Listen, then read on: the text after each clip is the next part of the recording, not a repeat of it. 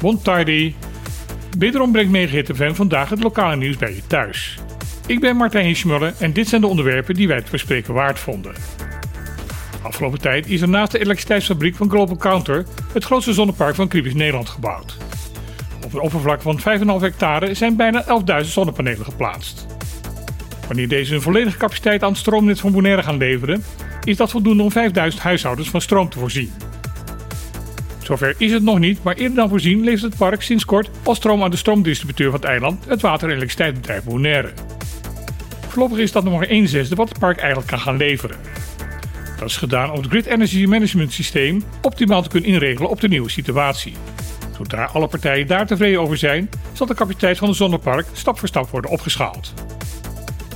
Het park is gebouwd door het Friese bedrijf The Green World Company, die in Nederland al diverse van dergelijke grote projecten heeft uitgevoerd.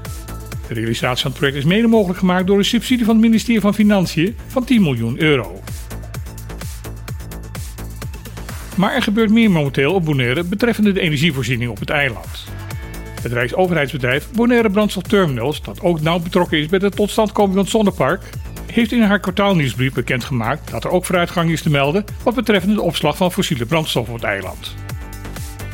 Dit najaar gaan bij Rijkswaterstaat de vergunningen aangevraagd worden om nabij het vliegveld een nieuwe brandstofterminal te kunnen gaan bouwen. Begin dit jaar is met alle stakeholders afgesproken de footprint van de nieuw te bouwen brandstofterminal te minimaliseren en alle brandstofbevoorradingen en opslagactiviteiten te concentreren op één locatie. Als onderdeel van de vergunningaanvraag zal er ook een milieueffectrapportage over dit project worden ingediend. De eerste onderzoeken voor deze rapportage worden momenteel al uitgevoerd. Het onderzoek richt zich op de veiligheid voor mensen en omgeving, risico op vervuiling van bodem, lucht en water, lichtgeluid en geuroverlast en mogelijk andere schade voor natuur en archeologie. Ook wordt in het onderzoek de toekomst van de energievoorziening op Bonaire meegenomen. Zodra de MER bij Rijkswaterstaat is ingediend en daar is onderzocht, zullen de resultaten ervan openbaar gemaakt worden.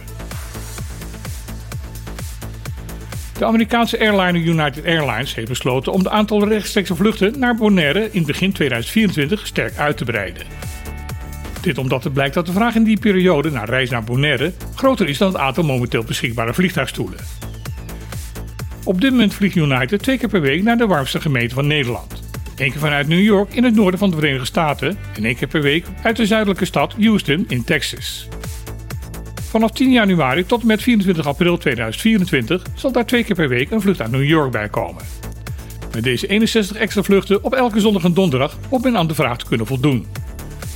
Het besluit van United Airlines bewijst dat Bonaire op een groeiende aandacht mag rekenen vanuit de Noord-Amerikaanse toeristenmarkt. Tot slot nog een kijktip voor vandaag. Vandaag zal op de Nederlandse publieke zender NPO 2 om 10 over 5 plaatselijke tijd de documentaire Tula leeft worden uitgezonden.